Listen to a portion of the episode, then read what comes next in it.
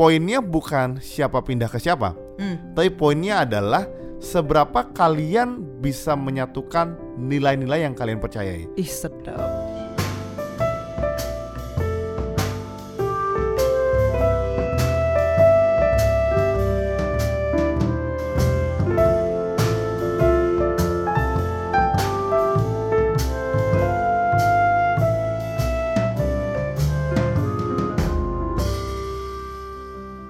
Ya Beb, aku penasaran deh. Kenapa menurut kamu ya? Kan ini agama. Agama itu kan something yang dilakukan hanya kalau dari kita ya, hanya hari Minggu. Kalau agama lain hanya dilakukan hari Jumat, hari Atau Sabtu, hari-hari lainnya atau hari-hari raya doang Ya. misalnya gitu. Why is it very important to discuss pada saat kita masih pacaran? Wah, ini pertanyaan sulit. Sama kayak dulu-dulu waktu cerdas cermat. Kamu ada di hot seat, Beb. Ting ting ting ting ting. Istri gue ini karena dosen, jadi kalau nanya tuh kayak nguji mahasiswa tau. kayak dia pengennya dikasih nilai bener salah. jadi jadi pertanyaannya bagus sebetulnya kenapa agama yang cuma dilakukan ritualnya seminggu sekali gitu. Yes. kok berimpact sangat besar di seluruh hidup kita sampai mati gitu kan Yes, bener banget, Beb. Karena sering kali menurut aku ya Hmm. ada banyak sebetulnya tapi aku cukup concern di sini karena banyak banget orang yang mengasumsikan agama itu dengan apa yang terjadi setelah kita mati. Oh, oke. Ya, jadi yes, kamu, yes, kamu yes. bayang, jadi gini, jadi em, agama itu sekalipun cuma sehari, Hmm, tapi ini menentukan hidup lu selamanya abis lu mati. gila, luar Karena biasa. karena semua orang nggak ada yang tahu, ah, jadi semua orang berusaha meyakini sekali yang mereka tidak tahu. hmm, Jadi oke. jadi kamu kebayang dong, Oke. karena ini mempengaruhi hidup kita selamanya setelah mati, Yes, yang kita tidak tahu apa yang terjadi setelah mati, yes. sehingga orang berusaha sangat yakin dan sangat ekstrim soal hal itu. Ah, oke. Jangan sampai mereka salah pilih. Ah, Gitu. jangan sampai nanti hidup aja udah tersiksa, setelah mati juga tersiksa. Iya, gitu. makanya itu sangat concern beberapa orang. Yes, iya menurut aku itu penting banget sih karena agama itu kemudian kan menyangkut hal-hal yang terjadi setelah kita mati. Jadi istilahnya beberapa hal yang kita lakukan pada saat kita hidup itu kemudian mempengaruhi kehidupan setelah kematian. Dan itu kemudian mempengaruhi terhadap apa yang kita lakukan, konsep pemikiran terhadap apa makna yang kita lakukan sekarang imbasnya terhadap kehidupan setelah kematian. Nah, itu penting banget karena kan tiap-tiap kepercayaan tuh memandang kehidupan setelah kematian itu berbeda banget gitu. Makanya orang sangat concern di situ sebetulnya. Iya, Berarti iya. karena ancamannya adalah abis mati lu ke mana gitu. Maka kalau kalau orang-orang agnostik gitu ya, dia nggak Uh-uh. terlalu peduli. Ah. Karena dia merasa abis mati ya mati gitu. Mm-mm. Makanya dia tidak terlalu ekstrim lah Ah. seperti orang-orang yang mempercayai gitu. Mm-mm. Yang kedua sebetulnya yang gua merasa orang-orang sangat concern adalah Mm-mm. karena agama itu mempengaruhi cara kalian memperlakukan orang lain, Betul, memandang orang lain gitu. betul. Jadi kalau misalnya uh, kalian di agama A atau B atau apa pun gitu ya, ada yang memandang yang lain itu sebagai orang-orang yang berbeda yang harus dimustahkan gitu misalnya Hmm. agama lain atau misalnya ada orang-orang yang memandang agama lain itu orang-orang yang masuk neraka sehingga kita harus tarik mereka ke dalam surga gitu. gitu kadang-kadang gitu ya. Yes. Ada agama-agama yang memandang kalau di agamanya beda masuk neraka nih. Jadi kita harus mengenalkan mereka supaya mereka masuk surga gitu. Hmm, ada Jadi- juga yang kayak percaya pada apa setelah misalnya mati terus kita akan dihidupkan kembali Iya. gitu kan sehingga kita harus berbuat baik berbuat Nah, baik iya. gitu-gitu Jadi- kan Jadi itu memang mempengaruhi kita punya gaya hidup sebetulnya Nah, agama. ya, betul. Sangat-sangat signifikan. betul Jadi nilai-nilai yang kita yakini pun sebetulnya sadar nggak disadari berasal dari agama yang kita percayai. yes Karena mereka memberikan nilai-nilai yang berbeda kan Yes. sebetulnya. Nah, wak- waktu kalian diskus sama pasangan kalian itu sebetulnya apa iya pasangan kalian yang berbeda ini mengenal esensinya agama yang memberikan nilai-nilai kehidupan hidupnya Betul. mereka gitu. Karena itu juga pengaruh ketika misalnya nanti kita akan mendidik anak-anak kita gitu ya. Ketika misalnya kita menikah, terus kita akan mendidik anak kita seperti apa nih Betul. dalam memandang orang. Misalnya kita punya suatu kepercayaan bahwa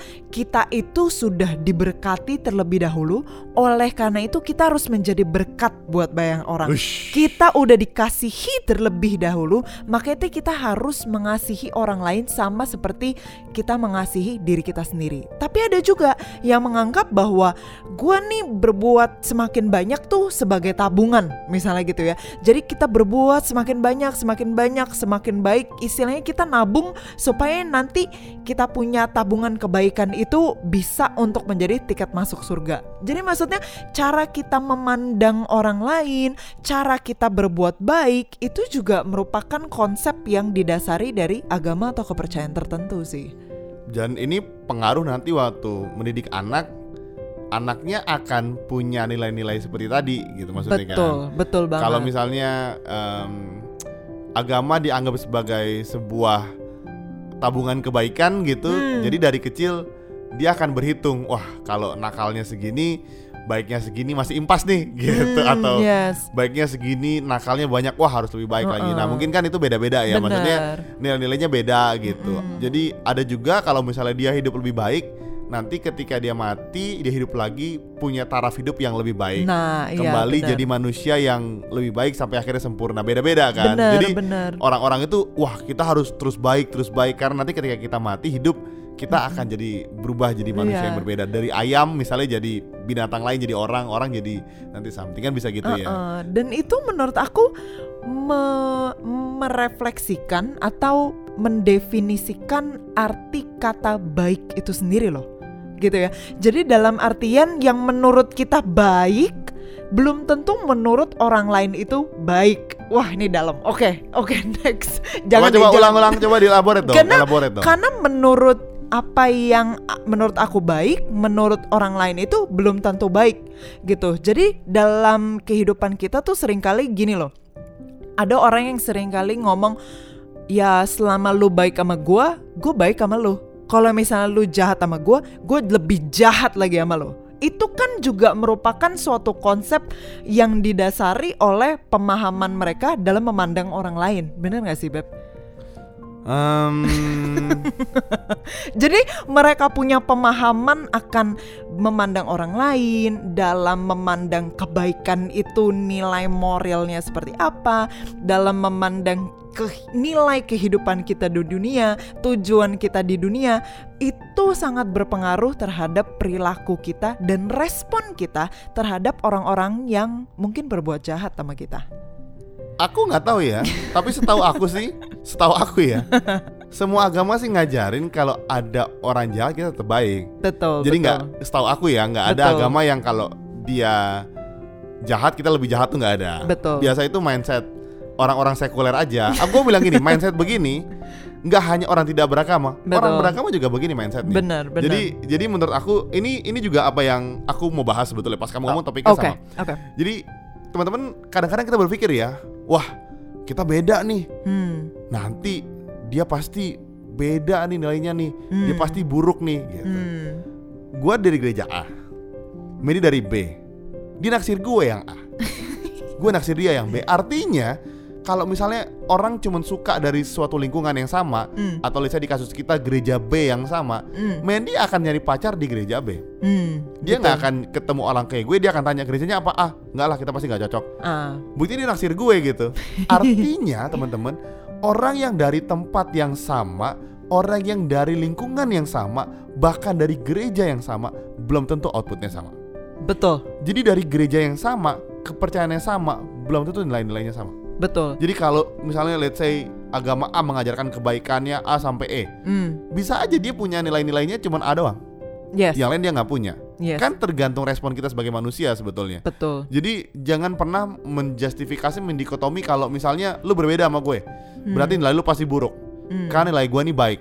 Hmm. Misalnya gitu kan, kita Betul. kan belajar di sebuah tempat, kita kan kita kan misalnya di ibadah di mana gitu, kita merasa wah nilai-nilai gue bagus nih. Berarti nilai-nilai di ibadah lain pasti jelek nih, Hmm. gitu. Padahal nggak begitu, karena Betul. percaya deh, orang jahat tuh bisa di mana saja bisa gitu. di mana saja. Uh-uh. Lu bisa di agama mana saja ada orang jahat. Betul, betul. Jadi menurut gue ya nggak nggak bisa dijudge begitulah dari Hmm. dari agamanya atau dari mungkin berbeda gitu. Hmm, jadi memang mungkin dari awal kita belum masuk pacaran pun gitu ya Beb Kita sering kali ngobrol-ngobrol mengenai hal-hal yang prinsip gitu Ya. Jadi penting bagi kalian juga yang ketika naksir sama seseorang yang memiliki denominasi berbeda, aliran berbeda, kepercayaan atau agama yang berbeda Untuk langsung dari awal untuk masuk ke dalam hal-hal yang prinsip dan hal-hal yang sangat fondasional Karena kita punya contoh yang beda agama tapi it works.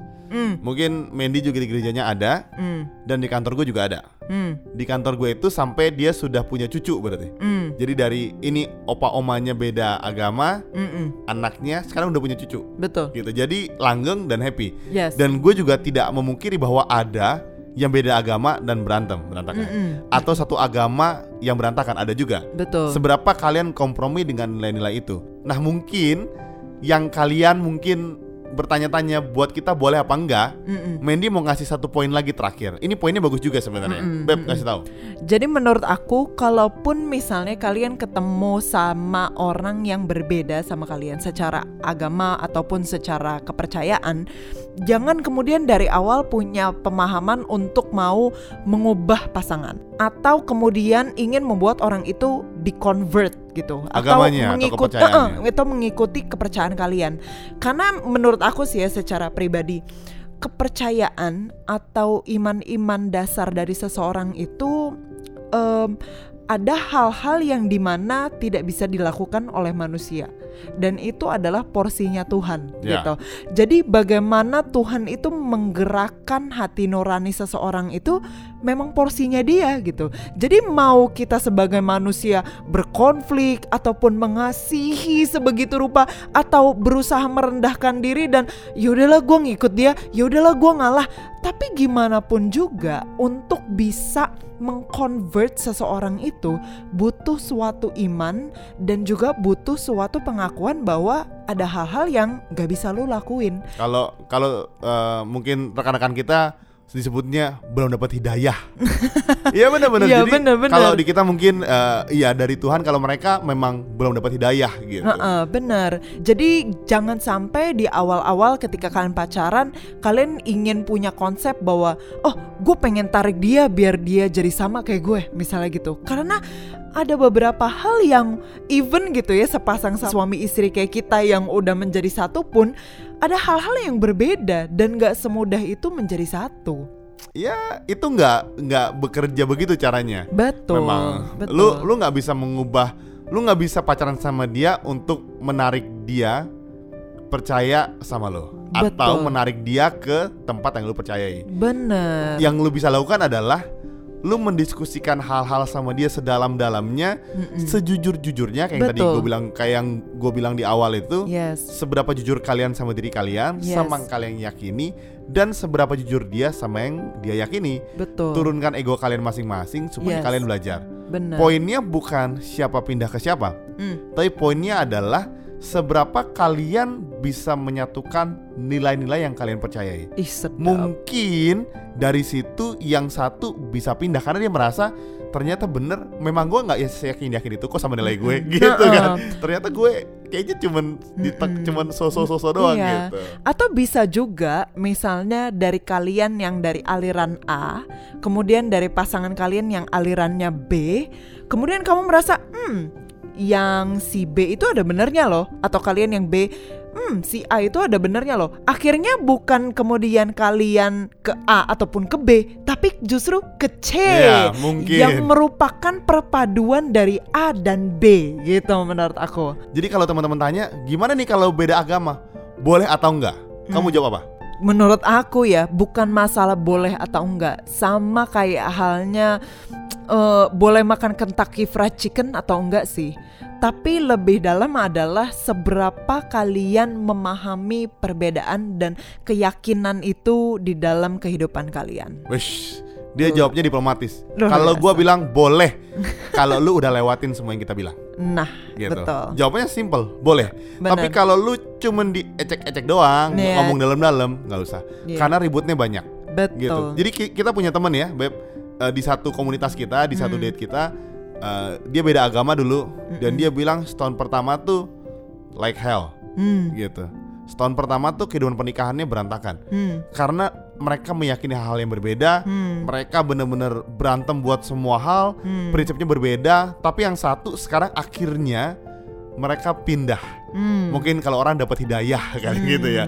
Mereka pindah karena mereka merasa oh ternyata bener nih gitu. Hmm. Teman ini bener nih bilangnya dan dia merasa dia berubah jadi agama ini karena bukan perempuan ini mengubah laki ini, Hmm. tapi dia merasa ada hal berbeda dari perempuan ini. Hmm. Makanya Mandy bilang, lu nggak pernah bisa pacaran berharap dia berubah ikut lu. Hmm. Lu harus tunjukin lewat nilai-nilai lu sehingga Hmm. orang lihat, oh ternyata nilainya bagus juga kok gitu. Hmm, betul. Jadi istilahnya show it not tell it gitu. Yes. Iya, jadi nggak usah banyak ngomong deh. Kalian lakukan, kalian mengimani bahwa kalian punya nilai-nilai kebaikan itu benar dan kalian lakukan.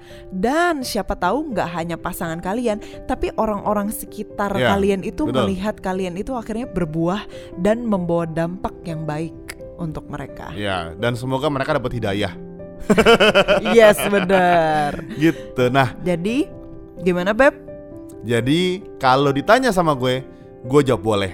Tapi lu mesti lewatin masa-masa ini. Hmm, Gitu. oke. Kalau udah lewatin, ngomong sedalam ini, jalan aja. Oke. Tapi kalau lu tidak, nggak usah. Nanti sakitnya banyak. Iya, Bener. benar. Gue sama Mandy nih satu agama, kita hanya beda aliran gereja. Hmm, Nangisnya 4 tahun.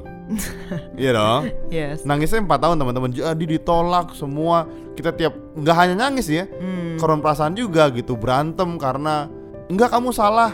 Terus dia bilang enggak gue yang salah. Benar. Banyak korban perasaan sebetulnya. betul. Hanya beda aliran gereja. Mm-mm. Gimana lu yang beda semua Betul. nilai-nilainya. Jadi gue bilang boleh, tapi lakuin dulu nih. Benar. Kita kayak kasih lampu kuning lah. Kuning lah Yes. gitu. Oke, jadi Beb, kalau misalnya ada teman-teman lain yang punya masalah yang sama atau punya curhatan yang berbeda, Kalian boleh curhat sama mama kalian. Bukan ya? itu tidak menyelesaikan. itu the opposite of what we're trying to do. kayaknya. Jadi kalau kalian ada masalah, kalian mau curhat bisa kalian bisa share ke kita, bisa email kita di pilotokpodcast.id at gmail.com atau DM kita di. pilotok.podcast Nah, jadi kalau misalnya kalian mau collab-collab juga bisa email-email Yes. kita. Mungkin kalau kita ada waktunya bareng kita bisa collab bareng Yes. gitu.